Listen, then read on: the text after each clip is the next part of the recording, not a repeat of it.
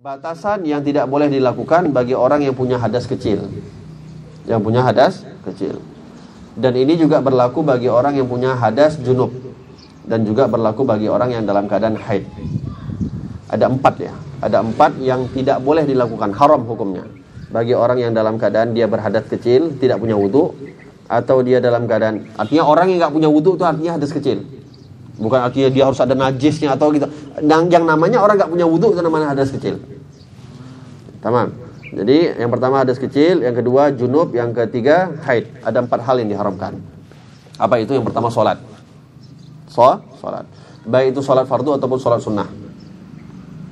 Dan juga diharamkan bagi orang yang tidak punya hadas wudhu atau hadas kecil, junub dan haid yang semisal sholat. Contohnya apa? Sujud tilawah, sujud syukur, khutbah Jumat, sholat jenazah. Yang kedua tawaf. Tawaf uh, keliling Ka'bah tujuh kali, baik tawaf wajib ataupun tawaf sunnah sama. Ya, karena kedudukan tawaf ini sama seperti kedudukannya so, sholat. Ha, at-tawaf kata Nabi, at-tawaf haulal Ka'bah bimanzilati sholat. Tawaf ngelilingin Ka'bah itu kedudukannya sama seperti sholat. Oleh sebab itu, rukun haji dan rukun umroh yang satu-satunya yang wajib dalam keadaan berwudu hanya tawaf. Sa'i nggak boleh. Udah habis tawaf, buang angin dia. Mau ngambil wudhunya lagi jauh lagi. Mau langsung sa'i, boleh. Sa'i nggak wajib berwudhu. Kenapa? Uh, ada yang mengatakan karena memang sa'i itu udah nggak keluar, udah nggak masuk lagi Masjidil Haram. Mas'a itu tempat sa'i itu sudah nggak lagi nggak masuk lagi Masjidil Haram. Malah saya mengatakan hanya tawaf saja yang wajib mengatakan haram. Yang ketiga yang diharamkan adalah masul mushaf. Menyentuh Al-Qur'an. Menyentuh Al-Qur'an ini haram. Ya. Haram bagi orang yang nggak punya wudhu, haram bagi orang yang junub, haram bagi orang yang haid menyentuh Al-Quran. Nah ini juga hati-hati, ya jangan kebiasaan. Kadang, aduh mau tengok Al-Quran, ini biasanya di HP misalnya, mau tengok ayat ini, tapi malas berwudu, akhirnya terbuka dari HP juga kita. Dari HP juga sebagian ulama mengatakan hukum membuka Al-Quran dalam HP itu hukumnya sama seperti kita menyentuh Al-Quran asli ya. Bakal ada pertanyaan itu sering kadang, gimana hukum HP eh, Al-Quran dalam HP? Hukum Al-Quran dalam HP. Apakah HP-nya itu kalau ada aplikasi Al-Quran harus kita uh, pakai wudhu dulu bawanya? Tidak. Memang kalau ada aplikasinya saja tidak wajib ada wudhu. Tapi ketika Al-Qurannya dibuka, aplikasi Al-Qurannya dibuka, contohnya begini, nah, ini sudah wajib ada wudhu. Karena ini dari nggak dianggap HP lagi, ini dianggap Al-Quran. Ini sudah dianggap Al-Quran. Kenapa? Sama kertas juga. Kertas ini kertas. Ini kertas kosong. Tapi kalau saya tulis Al-Quran pakai tangan saya, ini jadi Al-Quran. Ini jadi hukumnya Al-Quran. Oleh sebab itu, uh, termasuk juga diharamkan. Contoh, bukan dia bukan satu Al-Quran penuh, satu kertas saja, tapi dalamnya ada Al-Fatihah, nggak ada nggak ada nggak ada tulisan yang lain. Maka ketika menyentuh kertas itu jadi hukumnya harus menyentuh al eh, harus ber berwudu, harus suci, harus dalam keadaan berwudu. Maka uh, menyentuh Al-Quran ini hukumnya haram bagi orang yang tidak berwudu atau dalam junub atau haid. Yang keempat membawa Al-Quran. Tadi menyentuh ini yang keempat membawa. Membawa tanpa menyentuh ya bisa taruh dalam tas. Ada Al-Quran dalam tas kita bawa, nggak kita sentuh, walaupun nggak disentuh, tapi hukumnya haram. Nah, di sini dikatakan kalau yang di dalam tas itu hanya Al-Quran saja maka hukumnya haram. Tapi kan biasanya ada Al-Quran ada benda-benda yang lain. Ada Al-Quran ada benda-benda yang lain. Maka di sini dikatakan kalau kita niatnya bawa benda yang lain, contoh di dalam tas kita ada Al-Qur'annya, ada buku tulisnya, ada pulpennya. Kita niat bawa buku sekolah, bukan bawa Al-Qur'an, maka hukumnya tidak haram. Ini mutlak Imam Ibnu Hajar dan Imam Romli mengatakan tidak haram. Walaupun ada Al-Qur'annya, tapi kita nggak niat bawa Al-Qur'an, niat bawa buku sekolah, peralatan sekolah, maka tidak haram. Atau di dalam tas kita ada Quran dan benda-benda yang lain. Tapi ketika kita niat, kita niat bawa Al-Quran dan bawa benda yang lain. Atau nggak niat bawa apa pun, ya bawa tas gitu loh. Maka di sini dikatakan kalau nggak niat apa-apa, bawa apa-apa, atau niatnya bawa Al-Quran dan benda yang lain, di sini kata Imam Ibnu Hajar tetap haram. Kata Imam Romli tidak haram. Imam Ibnu Hajar bilang haram, kata Imam Romli tidak tidak haram. Tamam.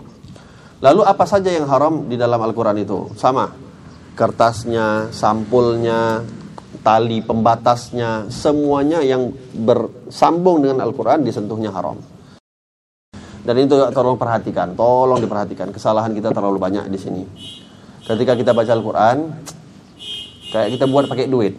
Ambil lidah, kita lempar. Ini hukumnya haram. Itu yang berkaitan, ah, empat hal yang berkaitan uh, yang diharamkan bagi orang yang dalam keadaan hadas kecil, junub dan haid. Lalu ada tambahan dua yang diharamkan bagi orang yang junub dan haid saja. Orang yang hadas kecil sudah nggak haram lagi. Ada dua saja. Apa itu? Yang pertama, al-lubthu fil masjid. Berdiam diri di masjid. Berdiam diri di masjid itu haram bagi orang yang junub dan orang yang haid. Artinya dia duduk niat itikaf pula. Itu haram. Tapi kalau terpaksa lain cerita. Apa maksudnya terpaksa? Awalnya masuk masjid nggak nggak junub ketiduran di masjid tiba-tiba junub. Pas mau keluar, harusnya kan langsung keluar. Alhamdulillah. Alhamdulillah. Pas mau keluar, pintunya terkunci karena dia tidur tadi dikunci sama orang. Akhirnya nggak bisa keluar, maka ini tidak haram. Tapi kalau nggak ada hajat, dia wajib keluar. Junub dan haid haram bagi orang untuk dia duduk di masjid. Duduk ya. Tapi kalau lewat saja lain cerita. Kalau lewat saja itu nggak masalah. Contoh misalnya kayak Uh, di sini kayak di Masjid Nabawi. Masjid Nabawi itu kan besar luar biasa ya. Masjid Nabawi itu besar luar biasa. Hotel kita di sini, pasarnya di sebelah sini. Ini tengah-tengah Masjid Nabawi. Kalau kita mau motong, eh, mau muter jauh luar biasa misalnya, jauh kali. Tapi kalau motong lebih dekat. Nah, kalau dalam keadaan junub, lewat saja boleh. Tapi duduk di masjid ya boleh. Lain masalah haid nanti. Tapi lewat saja bagi orang junub boleh. Bagi orang yang haid nanti ada pembahasannya. Itu yang kelima. Yang keenam yang diharamkan bagi orang junub dan haid saja adalah membaca Al-Quran. Bagi orang yang tidak punya wudhu, membaca Al-Quran nggak masalah. Tapi bagi orang yang junub, membaca Al-Quran itu haram. Nah, kalau dia niat baca Al-Quran, contoh memang dia punya wirid, wiridnya itu Al-Quran. Contoh apa? Dia setiap hari sebelum tidur baca kulullahu ahad, kul bil falak, kul bin nas. Atau setiap kali dia mau ini dia baca ayat kursi, mau ini baca ayat kursi. Maka kalau dia niatnya untuk zikir, ketika walaupun yang dia baca ayat Al-Quran, tapi niatnya karena zikir tidak tidak haram, tidak haram. Tapi yang diharamkan adalah bagi orang yang junub adalah ketika dia membaca Al-Quran dan niatkan dia niat untuk membaca Al-Quran ini yang haram. Tapi kalau dia niat zikir nggak masalah. Uh, lalu dikatakan itu berarti empat bagi orang yang hadas kecil, enam bagi orang yang junub dan yang terakhir sekarang kita akan bahas adalah 10 hal yang diharamkan bagi orang yang haid. Berarti tambahannya hanya empat saja. Yang hanya diharamkan bagi orang yang haid yaitu yang ketujuh adalah puasa, som. Baik puasa wajib ataupun puasa puasa sunnah, maka hukumnya haram. Nah, mungkin jadi pertanyaan sering. Kalau misalnya ada wanita haid, suci dia jam 4 subuh. Subuhnya jam 5, jam 4 udah suci. Tapi dia belum mandi wajib Apakah dia wajib mandi dulu baru dia boleh puasa? Tidak. Dia boleh langsung berpuasa. Eh, walaupun dia boleh langsung berpuasa walaupun dia belum mandi wajib. Orang junub juga begitu. Lalu yang kedua yang diharamkan khusus bagi atau yang kedelapan yang bagi orang-orang haid saja adalah al-murur fil masjid in khafat talwithah. Bagi orang haid juga lewat saja nggak boleh. Lewat saja nggak boleh. Uh, apalagi berdiam. Lewat saja nggak boleh dengan syarat kalau lewatnya itu ketika dia lewat dia takut ada yang netes. Kalau dia yakin ini udah pakai paper 10, 10 lapis misalnya, eh, pakai softtex 10 lapis, nggak bakal tembus, nah, nggak apa-apa kalau yakin. Tapi kalau dia ragu-ragu, aduh nih nanti kalau aku lewat takutnya netes, nah, ini haram. Ada cerita, satu orang cerita sama kita. Mama ya? Eh? Pengajian mama. Ah, pengajian mama ada orang cerita sama kita debat. Uh, yang satu mengatakan haid itu nggak boleh duduk di masjid. Mau hadir pengajian.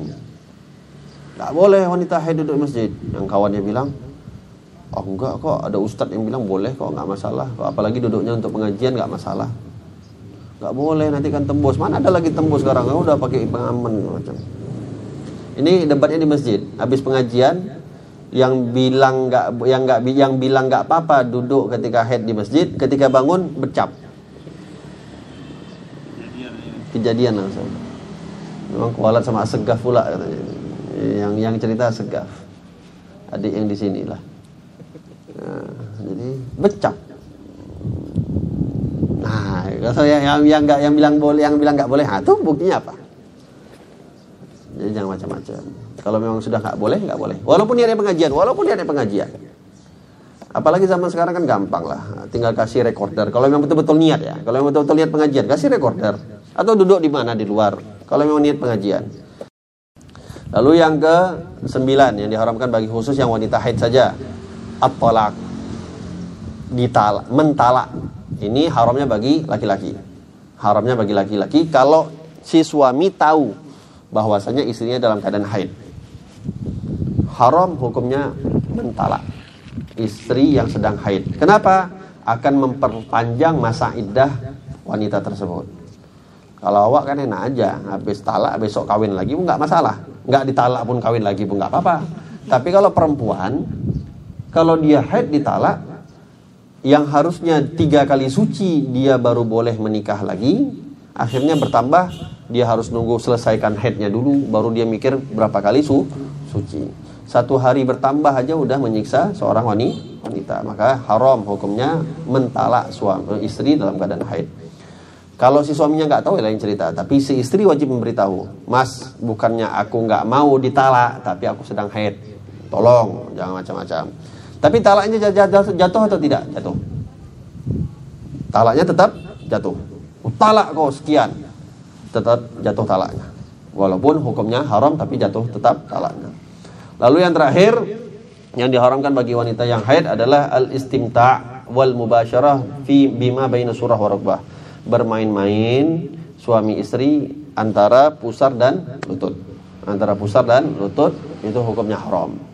Ada banyak khilaf pendapat di sini. Ada yang mengatakan yang tidak boleh itu hukumnya yang nggak boleh jimaknya, berhubungannya yang nggak boleh. Tapi main-main di situ nggak masalah ya sekeliling-sekeliling itu. Tapi kalau berjimaknya itu yang haram, itu yang nggak boleh. Ada yang mengatakan enggak karena Nabi Wasallam ketika mengetahui Siti Aisyah dalam keadaan haid, Nabi perintahkan untuk pakai sarung. Nah, di situ ada yang mengatakan enggak, enggak masalah. Walhasil khilaf. Tapi kalau hubungan suami istrinya itu mutlak haram. Mutlak mutlak haram. Dan dikatakan Imam Nawawi memilih uh, pendapat yang ini juga pendapatnya Imam Ahmad bin Hambal bahwasanya yang diharamkan adalah berhubungannya saja. Bermain-main di sekitarnya itu tidak masalah tidak masalah. Uh, wallahu alam. Bisawab